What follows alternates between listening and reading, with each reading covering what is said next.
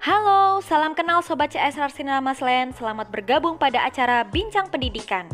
Semoga Sobat CSR Maslen senantiasa diberikan berkah kesehatan dan kesuksesan. Amin. Sebagai bentuk kepedulian dan tanggung jawab sosial perusahaan terhadap perkembangan pendidikan, CSR Sinar Maslen bidang pendidikan dan bagian dalam program pembinaan sekolah, kami mengadakan kegiatan Bincang Pendidikan. Dalam bincang pendidikan, CSR Sinar Maslen mengajak peserta didik, pengawas sekolah atau madrasah, kepala sekolah atau madrasah, guru-guru, siswa, orang tua murid, komite sekolah untuk saling berbagi informasi, memberikan pemahaman secara luas tentang pergerakan pendidikan di Indonesia. Bincang pendidikan adalah diskusi singkat oleh para narasumber yang profesional di dunia akademisi dan dimoderatori oleh tim CSR Sinar Maslen. Bincang pendidikan akan diupload setiap hari Kamis sore pukul 16 WIP setiap minggunya di platform Spotify CSR Sinar Maslen. Kami harap Sobat CSR Sinar Maslen tetap semangat untuk meningkatkan mutu dan kualitas pendidikan di Indonesia. Dan jangan lupa untuk ikuti seluruh media sosial kami agar tidak ketinggalan informasi dengan berbagai kegiatan CSR Sinar Maslen lainnya. Terima kasih, salam hebat CSR Sinar Maslen. Halo Sobat CSR, apa kabar? Semoga sehat semua ya. Hari ini kembali Bincang Pendidikan bersama dengan saya Silvi. Hari ini saya bersama dengan Bapak Dr. Sri Wahyono. Beliau adalah peneliti di PTL BPPT. Langsung saja kita kenalan langsung dengan Bapak Sri. Bapak Sri apa kabar? Baik Mbak Silviana. Ya Pak, boleh jelas uh, bu Oke, nanti yang ini dikat ya. Uh, Pak Sri, boleh tahu nggak nih kesibukannya ngapain aja nih Pak? Uh, saya bekerja di Pusat Teknologi Lingkungan TIPT. Pusat Teknologi Lingkungan itu disingkat PTL. Jadi orang sering menyebutnya sebagai PTL BPPT.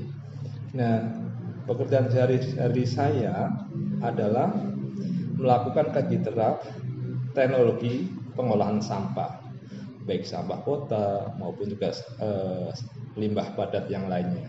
Hmm. Oh, baik Pak. Nah, kalau dari pekerjaannya nih Pak, sama yang dilakukan, uh, tapi saya juga sering mendengar PTL ini uh, be memberikan uh, sumbangsih juga ke dalam bidang pendidikan. Seperti apa Pak? Uh, salah satu pilar dari pengelolaan lingkungan dan juga secara khusus adalah pengelolaan sampah. Pilar yang paling mendasar adalah uh, dari sisi pendidikannya Dari sisi pendidikan itu eh, memberikan eh, pada masyarakat atau kepada anak didik terkait dengan perubahan perilaku. Jadi membentuk karakter, karakter yang cinta akan lingkungan, karakter yang cinta akan kebersihan lingkungan. Nah, dari sana itu adalah kaitannya dengan pengolahan sampah itu sendiri.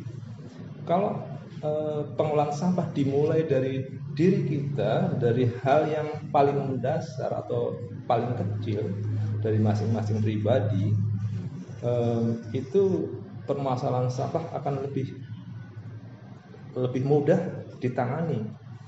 Misalnya kita di rumah masing-masing pribadi kita dan juga anak didik di sekolah itu melakukan pemilahan sampah.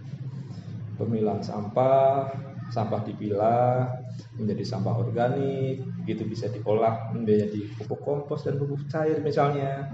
Dan juga e, sampah yang laku jual itu bisa kemudian dikumpulkan, e, kemudian masuk ke bank sampah itu nanti dijual secara bersama-sama. Nah, nanti dengan adanya itu maka lingkungan akan semakin bersih dan juga bagi pemerintah daerah atau pemerintah kota ngangkut sampahnya menjadi lebih efisien, sampahnya lebih sedikit, yang dibuang ke TPA menjadi lebih sedikit, artinya nanti TPA-nya juga mudah dikelola. Nah, itu didasari pada perubahan perilaku. Nah, perubahan perilaku itu sendiri itu tidak lain tidak bukan adalah basisnya dari pendidikan. Pendidikan sejak usia dini itu Nah, kalau kita kan orang-orang tahu udah susah nih gitu kan? Iya betul. Diajarin seperti itu. Mungkin nanti uh, kita belajar pada anak-anak kita. Dan anak-anak kita kalau sudah gede udah dewasa menjadi orang tua seperti kita sudah sangat peduli. Peduli terhadap lingkungannya. Peduli terhadap pengelolaan sampahnya. Peduli terhadap kesehatan kita. Terhadap uh, kesehatan di lingkungan tempat kita tinggal dan juga di sekolah. Begitu Mbak Andriana Iya Pak Sri, berarti memang permasalahan sampah ini bukan lagi hal yang harus kita jauhi atau kita lari ya Pak. Jadi memang sampah sudah bagian dari kehidupan kita sehari-hari dan cara ngatasinnya adalah dengan cara ngelola. Dan itu bisa dimulai dari anak-anak karena terkadang nih Pak, kalau udah sampai anak-anak di sekolah pulang ke rumah hilang kebiasaannya. Jadi memang pembiasaannya itu perlu diteruskan ya Pak ya. Kalau dari PTL sendiri ada trik tersendiri nggak Pak supaya pembiasaan itu bisa dilakukan terus? Iya.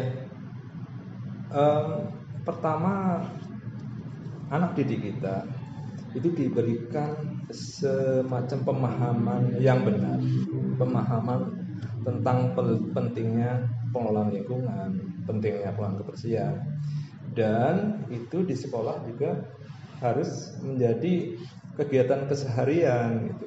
Jepang misalnya kita tahu negeri Jepang negeri yang sangat bersih. Itu karena memang penduduknya sudah sangat peduli terhadap kebersihan dan pengelolaan sampahnya. Mm-hmm. Itu dimulai dari pendidikan di anak usia dini di sekolah misalnya. Mm-hmm. Anak-anak itu eh, dalam prakteknya itu membersihkan eh, lingkungan belajarnya, lantai, kursi, meja. Mereka ada ada waktu-waktu khusus untuk membersihkan itu. Kemudian eh, mereka juga eh, diajak ke tempat-tempat eh, pengolahan sampah sehingga mereka tahu betul eh, sampah kalau tidak dikelola akan mencemari lingkungan dan juga mereka tahu betul sampah kalau didaur ulang itu akan menjadi produk-produk yang berguna. Nah, itu akan menjadi dasar pemikiran anak-anak bahwa apa yang mereka lakukan itu ada rantainya ketika mereka membersihkan lingkungan, memilah sampahnya, mereka juga akan tahu e, rantai dari sampah yang mereka pilah itu ke unit pengolahannya mana. Ada yang dibakar menjadi energi, ada yang didaur ulang plastiknya, kertasnya, gelasnya, dan juga residualnya yang itu kemudian masuk ke TPA. Hmm. Jadi menjadi penting pendidikan ini karena itu memberikan eh, dasar pemahaman untuk kesadaran anak didik kita atau masyarakat kita plus ditambah dengan praktek-praktek praktis yang diajarkan di sekolah sehingga dari sisi pengetahuan kemudian eh, aspek perilaku juga memang ditanamkan di sekolah gitu dan harapannya itu nanti juga e, itu dilakukan di rumahnya. E, Indonesia tentunya harus menuju ke arah sana. Kalau ingin lingkungannya baik, lingkungannya bersih, sampahnya terkelola, tidak seperti sekarang ini pengelolaan sampah di Indonesia rata-rata di banyak kota itu masih tata kelolanya masih buruk karena eh, masyarakatnya juga belum begitu uh, sadar iya. akan pentingnya pengelolaan sampah dan pengelolaan lingkungan. Demikian Mbak Andriana. Ya, jadi memang kalau tadi dari yang Bapak jelaskan memang di sini melibatkan anak-anak ke pembelajaran langsung ya. Selama ini pembelajaran-pembelajaran mungkin yang terlampau uh, textbook itu sama sekali tidak efektif, tapi pembelajaran langsung yang kontekstual itu malah akan terasa di anak-anak dan pastinya akan berdampak ya Pak ke anak-anak kita. Iya, betul. Dan bicara tentang anak-anak nih Pak, kaitannya nih dengan sekolah berhati nih yang kerjasama dengan CSR Pendidikan Sinar Maslen berhati, berkarakter hijau, sehat dan inovatif. Kira-kira kalau dari PTL sendiri apa yang akan diberikan oleh PTL BPPT dalam program sekolah berhati ini untuk supportnya seperti apa sih Pak? Penasaran deh. Iya, terima kasih Mbak Andriana. BPPT adalah sebuah lembaga non pemerintah yang melakukan kaji terap berbagai macam teknologi. Nah, kami di Pusat Teknologi Lingkungan tentunya melakukan hal yang sama tetapi fokus pada teknologi lingkungannya. Hmm. secara umum seperti itu dan secara khusus di dalamnya adalah kaji terap teknologi pengolahan sampahnya. Nah terkait dengan sekolah berhati secara umum ada paling tidak ada empat pilar. Pertama adalah pilar sanitasi. Nah, sanitasi itu antara lain adalah eh, kegiatan pengolahan sampah, kegiatan pengolahan limbah cair dan air bersihnya ya. Dan juga yang kedua adalah eh, terkait dengan energi. Pilar yang kedua energi, di mana sekolah pasti nih di banyak tempat itu mengkonsumsi energi, terutama hmm. adalah energi listrik ya. Iya, itu dia tuh Pak. Nah, itu boros listrik nih seringnya nih. Hmm, nah, energi listrik itu kan termasuk uh, umumnya adalah sumber daya yang terbatas gitu karena hmm. karena untuk menggunakan jasa listriknya adalah biasanya menggunakan batu bara misalnya, hmm. menggunakan uh, bahan bakar minyak misalnya itu adalah uh, sumber daya yang uh, tidak uh, sumber daya yang, yang terbatas itu. Nah itu harus dihemat karena kalau nggak dihemat ya nanti akan habis itu. Ya. nah kemudian pilar yang ketiga adalah hemat air.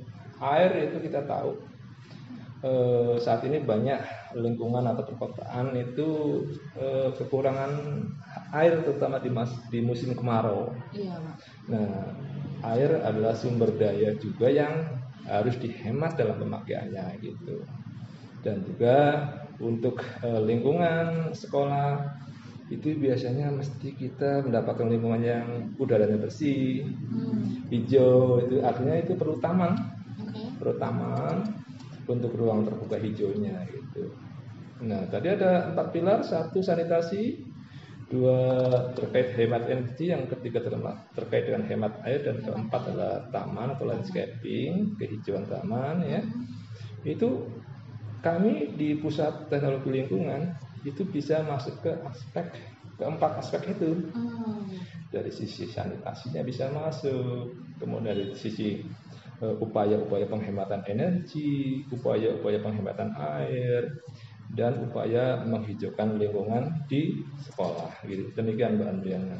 Oke, terima kasih banyak Pak. Jadi kita sama-sama clear ya, BPPT akan support kita, terutama sekali dalam empat aspek tadi, sanitasi, hemat energi, hemat air, dan juga pertahanannya ya, yeah. Pak Sri. Yeah, nah, jadi nggak sabar nih, pengen lihat nih kerja bareng sama PTL BPPT. Kalau gitu terima kasih banyak Pak Sri Wahyono untuk waktunya, yeah. untuk kesempatannya, dan juga untuk sharingnya. Sama-sama Mbak Andriana. Sampai ketemu lagi, pasti akan ketemu lagi yeah. dalam sekolah berhati. Insya Allah.